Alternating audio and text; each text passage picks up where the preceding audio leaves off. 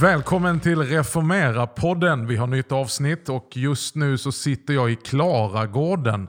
Det gamla församlingshemmet till Klara kyrka mitt i Stockholm. Här har det varit annan verksamhet många år men nu tjänar det fortfarande Klara kyrka. Och Det är väldigt speciellt att sitta här för att här sitter jag med mannen som är väldigt kopplat till berättelserna om miraklet i Klara som fick vara ett verktyg i Guds hand. Prästen Karl-Erik Salberg. Välkommen till Reformera-podden Karl-Erik. Tack så mycket.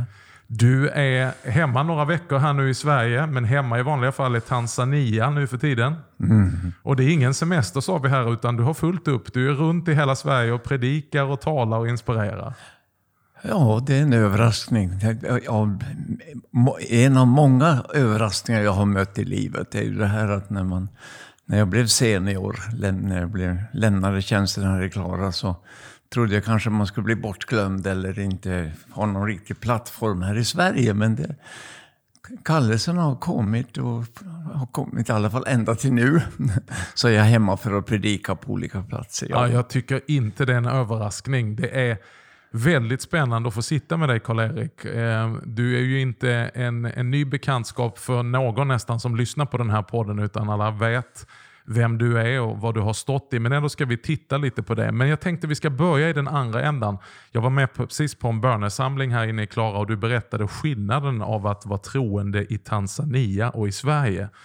Om vi börjar och att du berättar det igen. Jag tyckte det var väldigt eh, trostärkande och utmanande. Jag började med att säga att det är ju på ett vis väldigt lätt att vara kristen i Tanzania. Det kostar inte på.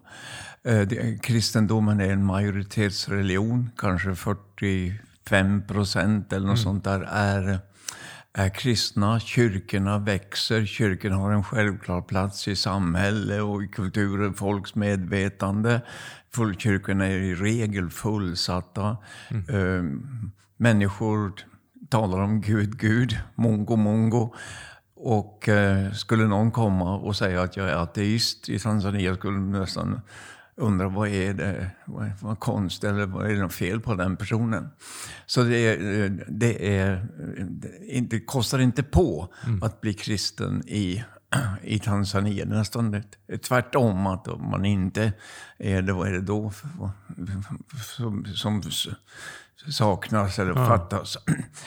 I Sverige är det ju som vi vet då, eh, det, det, tar, det är ett visst offer. Det, det, viss, eh, det är ju en stor utmaning. Jag tänker på mig själv, hur jag bondades innan jag bekände mig som kristen. Mm. Eh, för det var ingen av kompisarna som var det. Det, det krävde ju mycket mera. Och eh, när jag när kyrkorna, både kyrka och frikyrka, eller backar, jag tänker mest ändå på Svenska kyrkan, så, så eh, är det ju verkligen en, en utmaning att mm. verkligen ställa sig upp och säga jag är, jag är kristen. Kristendomen är en minoritetsreligion. Mm. 2 procent går i kyrkan. 100 000 lämnar Svenska kyrkan varje år. Alla förrättningssiffror går neråt. Eh, konfirmationer är ett minne blott i en del församlingar. Eh, I 80 av 80 procent av de Svenska kyrkans församlingar, har någon sagt mig, så är det under 20 personer på gudstjänst. Mm. Det finns en, del, en, en biskop som sa att vi kanske måste överge söndagsgudstjänsten. Uh, mm. När gudstjänst, uh, den gudstjänstfirande gemenskapen krymper. Bara. Så det känns ju en väldig skillnad mellan Tanzania och Sverige. Det var det jag ville dela, men också då uppmuntra alla eldsjälar som finns, inte minst inom eh, EFS. Mm. Eh, och också många i... Alltså, jag, jag, möter så många på mina predikoresor mm. som har vägrat att ge upp. Mm. De fortsätter och uh, hoppas och ber och hoppas och ber och arbetar och ber. Uh, mm Och eh, jag, jag nämnde just en som jag eh, ifrån mitt eget län, Jämtlands län, men i Härjedalen, som har spritt biblar nu i hela Härjedalen. För det. ja, ett sätt att utbreda, försöka att utbreda och Guds rike där och hålla vid, Guds rike vid liv där. Mm. Ja, men jag blev väldigt styrkt av det du sa. Eh, jag själv som, som har en bakgrund som pingstkarismatiker, jag är fortfarande karismatiker, men jag känner det i pingströrelsen. Jag vet ju om att pingstkyrkor, karismatiska kyrkor växer i Afrika. Ja. Men du berättar också att den lutherska kyrkan växer i Tanzania. Den är nästan lika stor som Mekane Jesuskyrkan. Ja, enligt till och med vissa rapporter som jag har läst, nu är det alltså statistik ganska...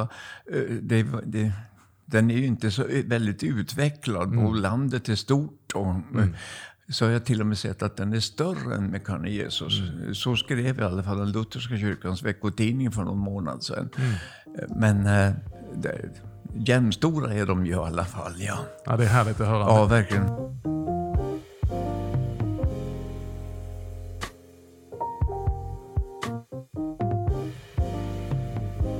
Tillbaka nu, nu är vi i Sverige och eh, vi har suttit här och pratat om, jag jobbar med samverkanssatsningar utifrån EFS, att få vara en, en, en injektion in i Svenska kyrkan, uppleva en kallelse Så där. viktig uppgift du har. Viktig uppgift du har. Och du samlade nätverket, du har varit med och startat Vägen. Och jag blev så berörd av det här uttrycket att hjälpa kyrkan att vända och tända. Eh, men eh, du har ju en väldigt speciell auktoritet att tala om detta. För för drygt 30 år sedan är det väl nu, ännu mer kanske, så var den här kyrkan ganska tum där vi sitter nu. Ja. Klara kyrka. Och så har du varit med om och sett det vi kallar för miraklet i Klara kyrka. Här finns ju material för hur lång tid som helst. Men kan du, kan du sammanfatta denna resa och också just det här att det blev ett samverkansavtal, det bildades en EFS-förening, Klaras vänner och hur, vad det hade betydit. Du kan väl berätta lite om detta Karl-Erik?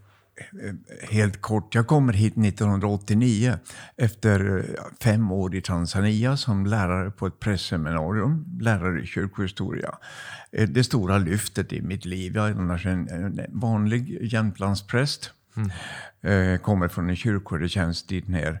Och en vän jag har brukar säga att du hade mer, jag har förstått att du hade mer av Tanzania med dig när du kom hit än vad kanske må- många har tänkt på. Där hade jag skrivit eh, en prästmötesavhandling om vad som kännetecknar kyrkor som växer. Och så sökte jag den här tjänsten i, i, som komminister i nybildade Stockholms domkyrkoförsamling och till min egen överraskning så fick jag den. Det var provpredikan jag fick den. Men när jag kommer hit så märker jag ju att det här är en eh, kyrka som flämtar i ett döende innercity. Det var inte några dåliga präster före mig så att säga. Utan det var, eh, hade blivit ganska folktomt här. Jag brukar säga att det var glesbygd med ungefär 300 personer som bodde i, i de gamla Klara-kvarteren. Jag räknade med kanske fem, sex, sju personer som hade någon anknytning till Sankta Clara. Kyrkorådet sa till mig att vi kommer att stänga kyrkan om inte det händer någonting. Och så kommer jag med de här tankarna om församlingstillväxt utifrån de nio punkterna. Det var tuffa år i början. Det var verkligen tuffa år. Eh, konkurrensen är ju mördande i, i Stockholms kyrkliga värld. Och det var, vad fanns det för skäl till att folk skulle åka in från Farsta och Västerled in hit? Eh, utan vi kunde vara 25-30 på högmässorna. Kyrkan tar ju 450. Eh, Domkyrkoförsamlingen hade sagt som en slags arbetsbeskrivning för mig att den här kyrkan skulle vara diakonikyrka på grund av läget till eh, nära Sergels torg och Malmskillnadsgatan. Och eh, det var ju saker och ting som, eller ett område som jag egentligen förstås aldrig hade rört mig i. Jag var en vanlig församlingspräst med hembesök och så, men inte med mötet med den tunga narkomanin och, och prostitutionen. Mm. Men jag märkte ändå att jag, trivdes med det. Jag började med ett arbete. Ja, först öppnade vi kyrkan. Först öppnade vi kyrkporten. På något vis eh, säga, hälsa förbipasserande och, och andra att de var välkomna in. Vi hade naturligtvis vakter för att hålla ordning ifall någon var stökig. Men det, det var också öppet för säga, vanliga stockholmare, flanörer, turister. Kyrkan var öppen och sa, den öppna kyrkporten sa välkommen. Eh, Vi öppnade ett café inne i där, sakristian. Sakristian var ju ett dött rum. Användes en timme eller två eller tre i, på en söndag. Men sen var det ju ett dött rum. Och det, den dåvarande diakonissan som fanns här när jag kom hit, hon hade hämtat inspiration från innercitykyrkor i London, att man kunde ha café inne i kyrkan. Så det var faktiskt ganska eh, unikt att vi, att vi började med det här så kallade Sankta Clara-rummet. Just det, och i all sin enkelhet egentligen bara öppen kyrka som har öppna portar och bjuda på kaffe. Ja, så enkelt. Så, så, så en... Sen i detta café så kommer det då in en, en frälsningssoldat som tycker att vi ska börja att gå ut på Malmskillnadsgatan till de prostituerade, eller de kvinnliga narkomanerna. Och det var ju, jag sa nej så kraftfullt jag kunde. Han hörde dåligt så han tolkade det som ett ja. Och så var vi ute på torsdagen där, jag med min termos med kaffe och lite bullar och han före och han såg och hörde inte mycket tror jag. Han bara gick rakt ut där. Och jag kunde väl ana att det kunde finnas lite olika typer där uppe. Som ja, allikar och liknande. Så började ett diakonalt arbete, så enkelt. Och kanske jag skulle vilja hälsa det till alla lyssnare att man behöver inte göra det så väldigt komplicerat. Här gick två medelålders män ut eh, eh, med de här fiskeredskapen, kaffe och bullar. Och eh, vi eh, och hade Jesus förstås i oss. Ja. Och det var ju ett bibelord som jag väldigt ofta stod på där uppe. Att han som är i er är större än den som är i världen. Eh, prostitutionen var eh, ganska livlig då. Och eh, det var många flickor. Eh, och jag bad alltid om att få ett hjärta-hjärta-möte för varje kväll eller natt. Där ibland kanske inte jag tyckte jag fick det, men det vet man ju inte vad man har sått. Men det, jag, jag fick också sådana möten och märkte till min egen förvåning att jag trivdes med det här arbetet. Den här frälsningssoldaten han lämnade eh, och eh, eh, jag, jag måste ha andra, man ska aldrig vara ensam där uppe. Eh, Och så fortsatte jag i flera, flera, flera år tills jag fick Elise Lindqvist vid min sida och märkte att hon brann ju också för detta och det. så fick hon då lämnade jag över till henne. kunde följa med henne ibland, men eh, det var ju hennes ansvarsområde. Diakonin tycker jag då man ska hälsa till, till eh, Svenska kyrkans församlingar och EFS. Det är, eh, det är nödvändigt. Diakoni har så många välsignelser med sig. Det är mycket arbete, det kan vara mycket arbete också. Men det, det nej, saligare att ge än att få. Så diakoni är en, en borde varenda församling hålla på med. Men nu, nu, nu när vi tittar tillbaka då Karl-Erik och du är tillbaka här varje år och du ser att det fortsätter efter dina 25 år här. Det har gått ifrån en nästan tom kyrka på, på ett sätt Stockholms bästa läge. Mitt emellan T-central och plenisal. Exakt. Mitt emellan, allt finns runt omkring här och Ja. nu fylls den här kyrkan när det är högmässa. Ja, jag får nypa mig i skinnet ibland när jag sitter när jag ser det här. Och när jag sitter vid Kilimanjaro. Jag är så tacksam att jag, jag lilla jag, fick vara med om eh, miraklet Sankta Clara. Att se en tom kyrka som var stängningshotad. En biskop sa, gör det till badhus, sådana här kyrkor som står tomma. Eh, och så ser den vara full av människor. Hög som låg, vit som färgad. Ja. Alla sorter, ung som gammal. Ja, det är ett under. Och jag brukar hälsa då också att kunde det hända mig så kan det hända andra.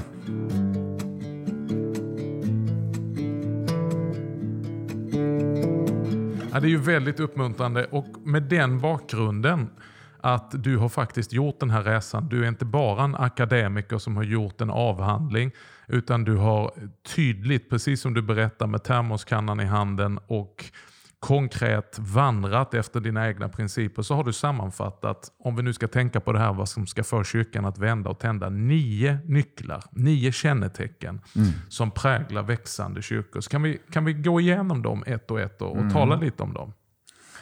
Man, eh, mm. De tre första punkterna handlar om att man måste leva nära världen.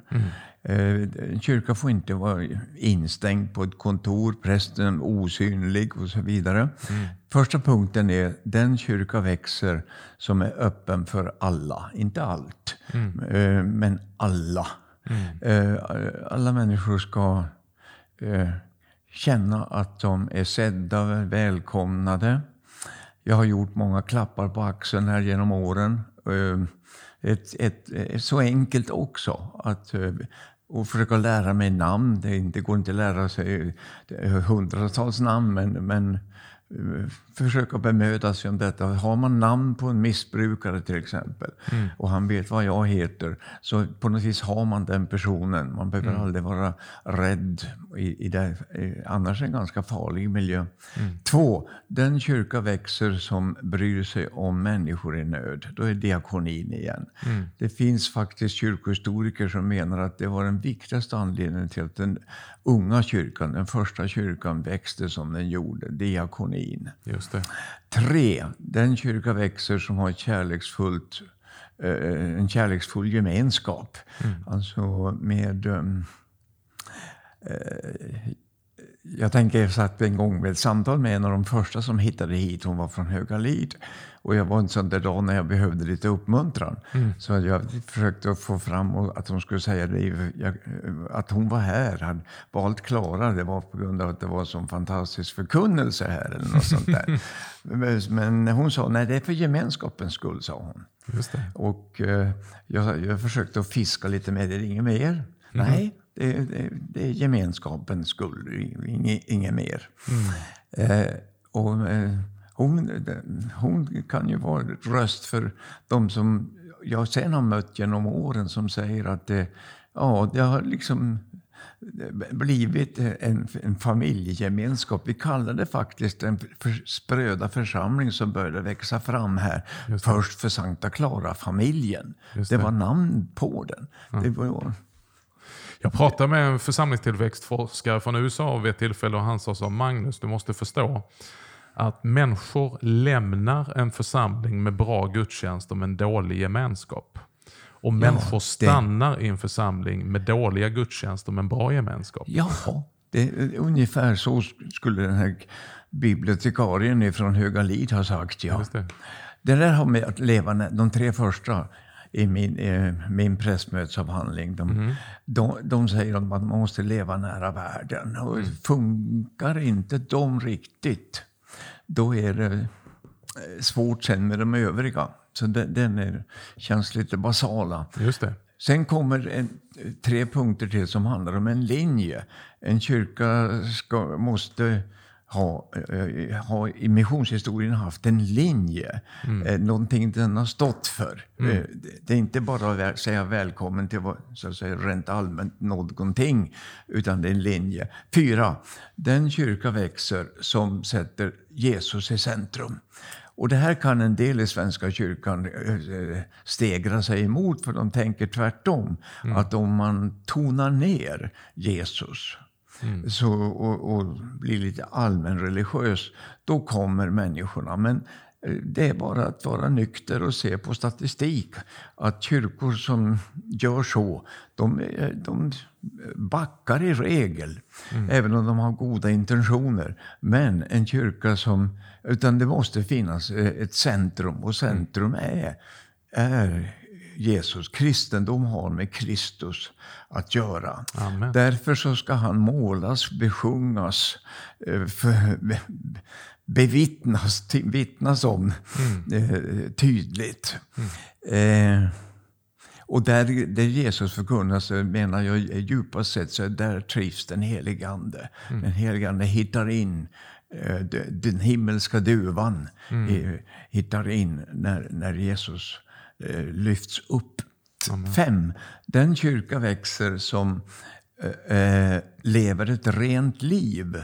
Mm det också låter lite ologiskt. Man kan tycka att kyrkor som ska växa ska liksom leva, låta människor leva som de vill. Men mm. återigen statistiskt material, mm. missionshistoriens lärosal att eh, de här kyrkorna som har växt, de har också haft en, en ganska eh, tydlig eh, kristen livsstil. Det betyder inte att de har varit fariseer och tyckt sig vara bättre än andra och dömt andra. Utan det har mera varit omsorg. Mm. Att eh, när till exempel pietisterna tog avstånd från alkohol och liknande, eh, ta det exemplet, mm. så var det ju inte för att liksom döma pietis, eller människor som drack. Utan det var att eh, alkoholen förstörde för fattiga människor. Mm. Det, omsorgen om människan. Mm. Jag tycker det ska lyftas fram lite mer när man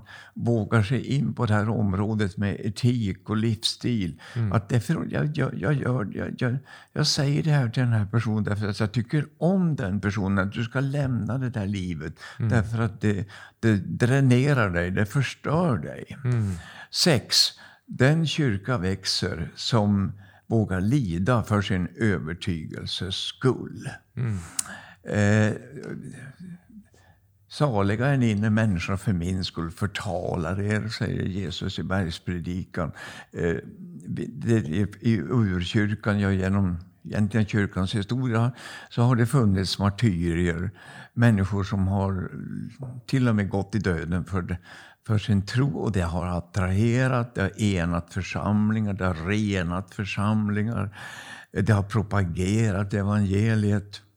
Det är ingenting man ska söka, mm. men man ska inte vara helt förvånad. Man ska nog mer vara förvånad om man inte möter något motstånd. Och det, det. hände mm. nog också med Klara åtminstone i, i början. Man, att Klara kunde ses som ett hot. Att mm. bli, är det här som, kommer det här att prägla eh, Klara kyrka och andra kyrkor? Och det kunde finnas en del avund mm. i det också. Att, Oj då, varför växer de? Och, och så försöker man att, att hitta fel. Vi levde också i det. Men um, om folk förtalade oss och sa, sa lögner om oss och, och kastade lera på oss, i, speciellt i början, så bara blundade vi och lät det ramla av. Och när vi öppnade ögonen så var det en ny narkoman som hade lämnat knarket och en, en ny kyrkbänk som hade fyllts. Amen. Ja. Fantastiskt. Det här har att göra med linjen. Just det. Mm. Och sen återstår tre. Mm. Och om inte de fungerar så är kyrkan habil och bra. Om de här sex finns med.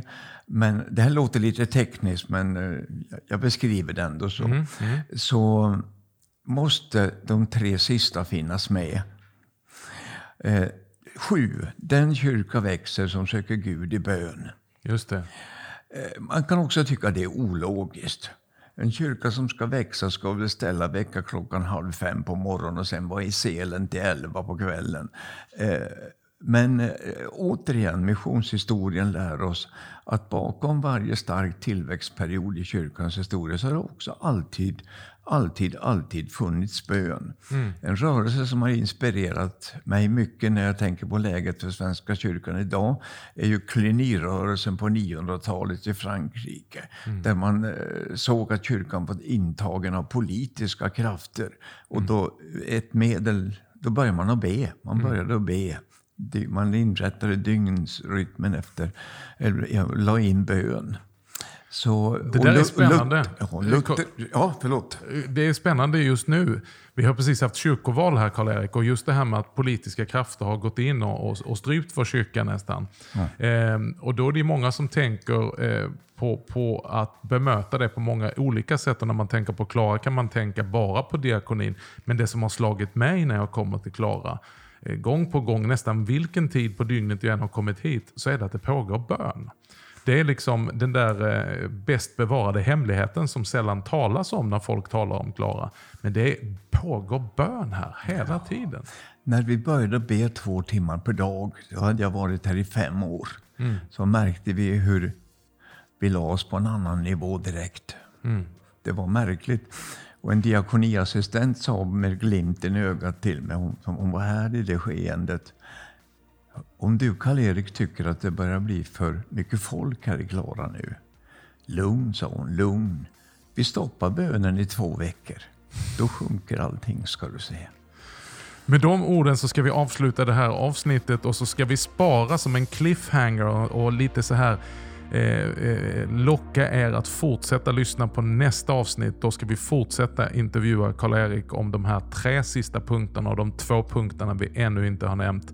Ett stort tack till Karl-Erik för att du varit med idag i Reformera-podden och vi ska passa på att fortsätta spela in ett avsnitt till. Och Då ska vi också få eh, lyssna till Mats Nyholm som är en av Karl-Eriks efterträdare och numera direktor i Klara kyrka. Men eh, tills dess, Gud välsigne dig och välkommen att lyssna till oss nästa fredag.